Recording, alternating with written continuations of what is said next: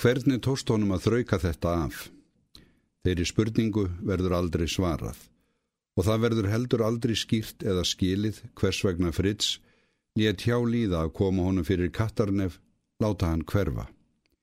Ekkert var þó auðveldara fyrir hann án þess að eiga á hættu að verða dreygin til ábyrðar. Ef til vill var hann svo þýðingarlaus að það skipti ekki máli hvorum eigin ryggjar hann lág. Það dregst á langin að ofurmennskan leggja undir sig allan heiminn. Þótt hún hafi víða verið stórstig í sóksinni, svo mjög að um herslumunin einan virtist að ræða til að ná markinu. Og það reyndist þessi herslumunur sem skipti sköpum. Praktir á istu nöf letu anstaðingar hennar ekki lengur undan síga. Bitu sig þar fasta og neituð að láta í minni pokan. Og þar kom að þeir tóka sækja í sig veðrið eblast og vaksa og tablið snýst við. Ofurmennskan á orðið í höggi við ofjarlsinn. Undanalt hennar hefst og verður ekki stöðvað. Það svigrum er hún hefur áinni sér þrengist stöðugt. En fóringin öskrar þann bóðskap til þjóðarsinnar að allt gangi sangkvæmt áallun. Með því að hopa er hann að lokka óvinnina í þá gildru sem þeir fá ekki séð við og ganga í af einfeldni sinni með þeim afleiðingum að þeir mun ekki kempa hærurnar en rött hans er orðin hól og orðin marklus. Kemur fyrir ekki, þótt hann strengi þess heita Berlín, sjálfur miðgarður ofurmennskunar skuli varin hvað sem í skerst. Dauðameinið hefur þegar hreyðrað um sig í holdi hennar og beinum, svo ekki verður skorið fyrir það lengur. Dýrð hennar riðbrennur, sindarmennskan getur ekki lengur skilt kaunum, hlaðinni nekt hennar, Tötramennskan leggur undir sig borgarstrætin, ljótleikin glottir í brunnum rústum húsana, náliktina leggur fyrir brjóst, dauða óttin flöktir í augum fólksins sem nýpra sig saman í loftvarnarbyrgjunum og veit fegðina geysast um háloftin ofar höfðum þess albúna að kvolva farmið sínum yfir allt dögt og lifandi. Ljómi hetjudauðans snýst upp í anstigð, blekkingarmúrarnir rinja hver af öðrum. Tilgangsleysið eitt heldur velli, svo óseðjandi hít sem aldrei verður fyllt og heimtar sífelt meira, skelvilegri þjáningar, langvinnar að dauðastríð, meira blóð. Í Berlín býður skáldið eilífur eilífs leikslokana. Þangað hefur hann fylst með leifunum af liðsveitum ofurumennskunar í þeirri einskisnýtu trú að hún stæði þar af sér síðustu kollhríðarnar og hér situr hann fastur eins og fluga í kongulóarvef, riðin linnulausiri martröð styrjaldarinnar og með fengstafi dauðans fyrir augum hvert sem litið er. Einasta líknin er að drekka frá sér ráð og rænu þegar þessir kostur. En jafnvel í myrkri vitundarleysisins glottir ofurmennskan hólum augnatóttum framann í fórnarlamsitt til að minna á að hún lætur það ekki löst sem hún hefur einu sinni helgað sér. Fritz er dauður. Í bladi gæti að lesa að hann hefði dáið hetjudauða fyrir fóringjan og ofurmennskuna. Getur róbot dáið eins og maður getur holdi og anda? Því ekki það. Járni getur bráðnað og orðið að gjalli veldurinn sem um það leikur er nógu heitur. Valkyrjurnar ungu og glæsilegu eru hornar af sviðinu. Kanski hafa þær stíi til valhallar til að liggja þar um nætur með einherjum sem eru dæmdir til að vegast á um daga. Dagar, vikur, mánuðir renna saman í rauða móðu.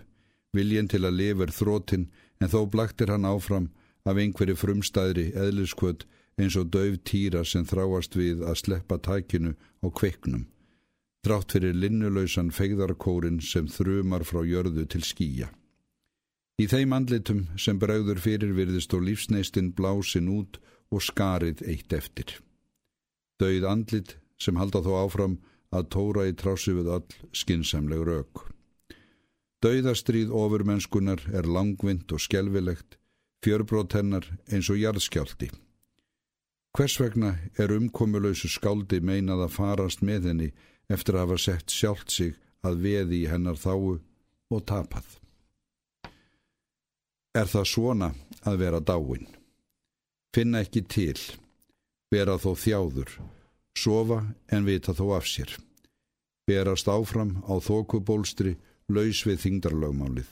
Rapa, sitja fastur í feni, þreyfa sig áfram í glórulösu myrkri, sjá ljós í endalösum fjarska, heyra raddir, rópa hjálp án þess að fá svar, vera allt í senn blindur, mállus og heyrnarlaus. Það kemur þó á daginn að hann vaknar til þeirrar veraldar sem átt að vera brunnin upp í ljósum lógum. Fyrst í stað er svo vittneskja of óraunveruleg til að vera tekin alvarlega, en hann er ofþreyttur til að gera veður út af því, langar aðeins til að sofa, sofa. Í vökunni likur hann lengst af með lokuð augu, því opni hann þau er ekki annað að sjá en kvítkalkað loft stofunar. Telur hvorki stundin í daga, lætur það lönd og leið hvar hann er stattur eða hvernig hingað komin. Auðsveipur og hlýðin lætur hann hjúkrunakonurnar mata sig og þrýfa eins og kvítfóðung. Kanski er hann í fættur og hefur aldrei verið til fyrir nú. Undir niðri veit hann þó veruleikan setja um sig en skortir þreg til að vísa honum á dyr. Hann á það til að setjast óbóðin á rúmstokkin og þá er það eitt til varnar að breyða sangina yfir höfuð og býða þessi ofvæni að feigðin þeir til úður sinn og skeiti hennar hitt í mark. En ekkert skeður.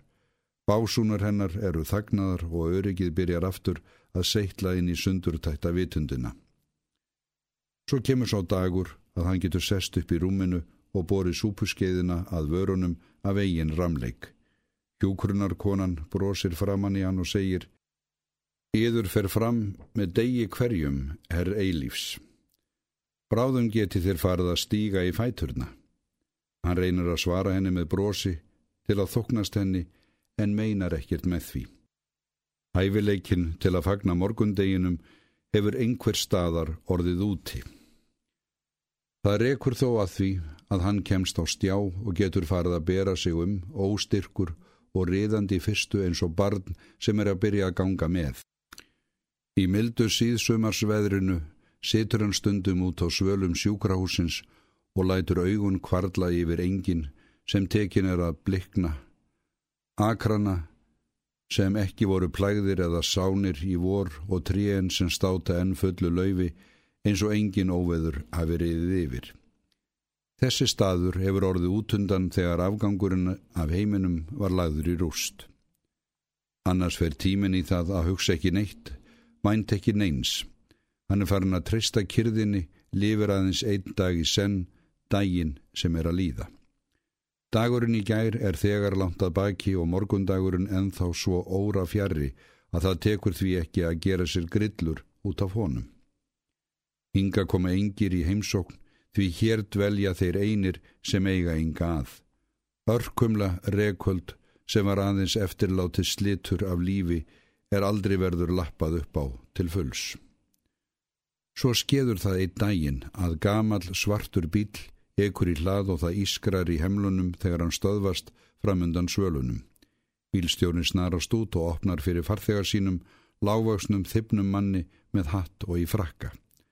Hann litast um og tekur svo stefna á tröppurnar upp á svalirnar. Á meðri leið tekur hann ofan hattin og stríkur yfir ennið með vasaklút. Þetta hattlösa höfuð villir ekki á sér heimildir. Það er Albert sem er kominn. Í efstu tröppunni lítast hann um og auga hans eru fljóta hitta í mark. Gleður mig að sjá þig, eilífur, segir hann feginsamlega. Á endanum tóst mér að hafa upp á þér. Hann lætur það ekki á sig fá þótt tekið sér undir kveðju hans af óviðengandi tómlæti. Koma hans er svo óvænt og fyrirvaralaus að eilífi er það efst í huga að hann sjáu offsjónir. Albert skotrar augunum út undan sér á hjálparvana örkumla mennina sem hefur verið raðað út á svalirnar. Varirnar herpast og skeifubógarnir út frá munvíkjunum, rista dýpra en venjulega, svo endar þeirra ná næstum saman undir afsleppri hökunni.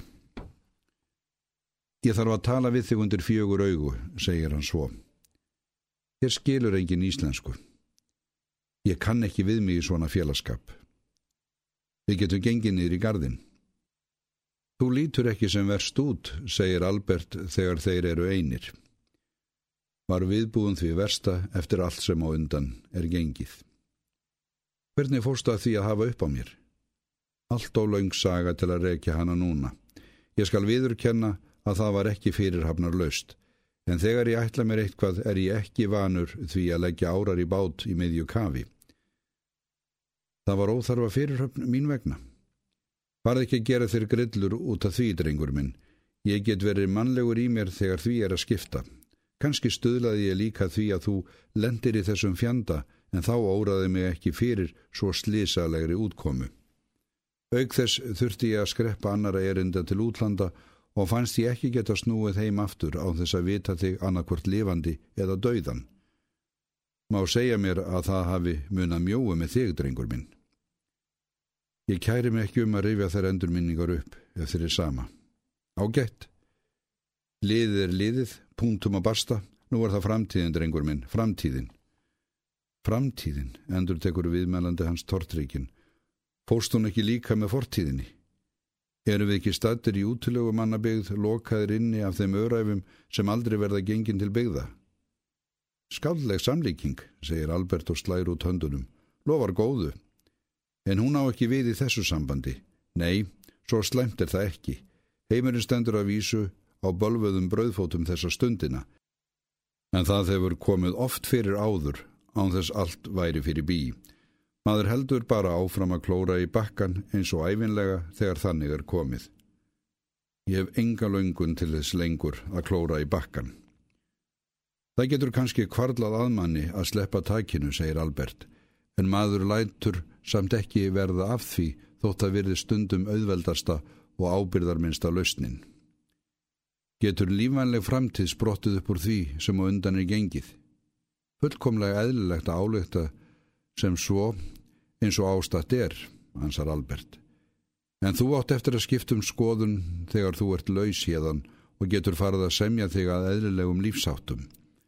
Ég tek þig með mér strax í dag ef ég get fengið þig útskrifaðan.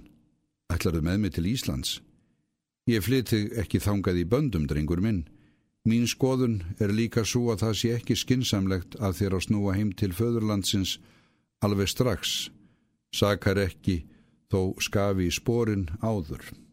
Annars var allt á góðum vegi með þig heima, en áttin er ekki hagstað þar þessa stundina. Stólpa austanrók í politíkinni sem gerir manni erfitt fyrir. Þetta fór uh, fjandalega allt saman, en maður verður að taka því og stokka spilin upp á nýtt. Svo þeir Albert litla stund og eilifur gerir enga tilrönd til að rjúa þögnina. Þú kynntist ungum þjóðverja sem var kallaði Fritz, segir hann svo. Man ekki ættarnafnið. Ég er ekkert, ég þekkti Fritz. Veistu nokkuð um hann núna? Fritz er dauður og vonandi hefur hann kapnað í helvíti. Hann var að minnstakosti búin að vinna til vistar þar. Albert gefur honum aðtugult hornega en gerir enga aðtugasend við þessa afdráttarlausu óskeikju. Hann dvaldum tíma á Íslandi og árunum fyrir stríði, segir hann svo. Kynntist honu lítilega, efnispiltur, átti framtíð fyrir sér. Já, svona hafa þeir farið margir sem tökkur var í. Þýðir ekki að súta það. Það er ekki fyrir en síðar sem Eilifur átt að segja á hvað fólst í þessum orðum Alberts og þá verður margt ljóst sem áður var óskiljanlegt og án samhengis. Albert snýr við blaðinu má segja mér að þér sé orði mál á fréttum að heiman. Já, það er margt tekið þar stakkarskiptum seinustu árin. Allir orðni ríkir og önnum kapnir við að koma peningum í ló. Kreppan horfin út í hafsöga. Stríði sáum það. Eginlega allt í himnalagi þrátt fyrir austan belgingin. Ástandið að vísu dáliti tvíbent og lausti reipunum, svo maður fyrir varlega í það að spá í pólitísku skíin á Íslandi eins og sakir standa. París virðist í fljótu bræði söm við sig, en þegar hún er skoðuð betur ofan í kjölinn stingur eitt og annað í stúf við það sem var. Litadýrð heimslisti semdana hefur látið á sjá, tótt mannlífsins er ekki jafn skær og fyrr, en manneskjan sem búin er að vera lokuð inn í sjálfri sér þessi laungu ár er aftur komin þar til dýrana eins og hún er klætt, farin að ganga upprétt, þorir að horfast í augu við hvert sem er og segja það sem henni býr í brjósti. Hann er á verði fyrsta sprettin því það er aldrei að vita hann með einhverjum skjótu upp til að minna á það sem helst á að vera geimt í gladkistunni. En þá sjaldan það skeður líta gömlu andlitun undan og gera sig ókunnuleg. Ef til vill hafa þau líka eitt hvaða fela sem gleimskunni er ætlað að varðvita. Í ára og daga hefur ekkert spurst af alviskunni og óvist hvernig henni reyta af. Kanski varð hún elju sinni ofurumennskunni samferða fyrir stapan svo ekki verður framar í hennar hús að venda. En það förðulega skeður að það tekur að rofa í auglít hennar og smám saman stígur hann út úr mistrinu óspjölluð og upphafinn eins og gjörningaveðrið mikla hafi farið þar langt fyrir ofan og neðangarð. Döl og óræð er hún í svörum eins og fyrr í óyfirstíganlegri fjarlægðsynni. En þeim hamingustundum kann þó að bregða fyrir að nálag þennar verður næstum áþreifanleg. Það er eins og að vakna upp á vondun draumi til vors og blóma að vita sig eiga hana að á ný þrátt fyrir allar yfirsjónir og vikspor. Dagarnir framundan farað eiga sér tilgang. Ævintýri sækir í sig veðrið gegna tilgangslausum veruleika. Þjáningin dregur inn klær sínar, stefnulust eirðarleysið hopar fyrir innri rósemi. Í byrtu hennar hættir ljótleikin að vera til og ljóðfuglin í brjóstinu lætur aftur til sín heyra. En andkverfa hennar lætur ekki enþá hlut sinn með öllu. Hún lúrir í skúmaskotum vitundarinnar og þegar síst varir áhanda til að hefja þaðan gagsókn og hrifsa til sín völd. Á þeim stundum verður tröllaslagur fegðarinnar allsaráðandi og hrun heimsins yfirvofandi á hverju augnablíki. Eina undankoman frá þeirri geingvænlegu hrodvekju er að drekka, drekka, drekka uns vitundin fjarar út. Það veldur á ýmsu með andleg afkvörstu en þó kemur að því að gengið er frá handrið til að nýri ljóðabók og það sendt áleiðist til Alberts. Það er léttir að vera laus við það því meðgöngutímin er búin að vera erfiður. Samtekur það á taugarnar að býða eftir svarinu, svo byðir einist og skemmri en væntamátti því Albert svarar um hæl. Hvæðin þín eru reynd ekki svo afleitt, skrifar hann. Þau bera það með sér að þú ert á réttri leið og það er skinsanlegt af þér að fara ekki allt og gest í sækirnar eftir allt sem á undan er gengið. Ég spái því að óðurinn til fegurðarinnar verði kærkomin vandlátum ljóðanundum. Fólk er farið að þreytast á rýmaðri byltingarpolítík en hún hefur tröllriðið því síðustu árin. Það er að ganga sér til húðar að kyrja. Fram þjáðir menn í þúsund löndum og fleira í þeim dúr því hér lifa allir í vellistingum praktulega og ekkert upp á byltinguna komnir lengur til að hafa í sig og á þótt ensi verða að duppa upp á hana á háttíðum og tillindögum af gamlum vana. Andlega lífsviðurværið verður að vera í stíl við daglegt brauð og það sem landar okkar leggja sér til munns af því tægi er ekki lengur neitt hallari spakkelsi. Listin má ekki stinga í stú við nýju möblurnar og glansmyndirnar á veggjunum. Jón Jónsson er svo lengi búin að horfast í augu við ljótleikan og voleiðið að það stendur varðla á honum að meðtaka bóðskapin um fegurð allífsins þegar hann fær hann réttan upp í hendurnar stimplaðan vörumerki alviskunar. Í allsnægt af þjóðfélagi sem hefur ekki lengur þörf fyrir byltinguna og kristnindómurinn þar að ekki lagstur í kör kemur átrúnaður af þessu tægi eins og manna af himnum ofan því fólk þarf æfinlega að eiga einhvern guð og mað og til að trú á sem eru ofar því tímanlega og það botnar ekkert í. Og hann verður að vera í stíl við tíman til að missa ekki á strætisvagninum. Þetta er auðvitað aðeins byrjunin og til að hún renn ekki út í sandin verður að fylgja henni fast eftir. Þú verður að gera þér ljóst að næsta ljóðabók þín verður að taka þessari fram og það svo um munar. Skáldum fjölgar ört á Íslandi svo samkeppnin getur orði hörð, en þú hefur forskott eins og sækir standa. Það er dálítið hlálegt að hugsa sér Albert sem galvaskan rittara alviskunar, en hann veit hvað hann syngur maðurinn sá. Vafalust er hann búin að breyta henni í reikningstæmi og með þeim aðferðum sem hann kann upp á sína tíu fingur verður honum ekki skotaskuld úr því að fá þá útkomu sem honum er í vil. En alviskan er og verður aldrei tölfræðileg formúla þótt Albert kæri sig ekki um að játa þá staðrind.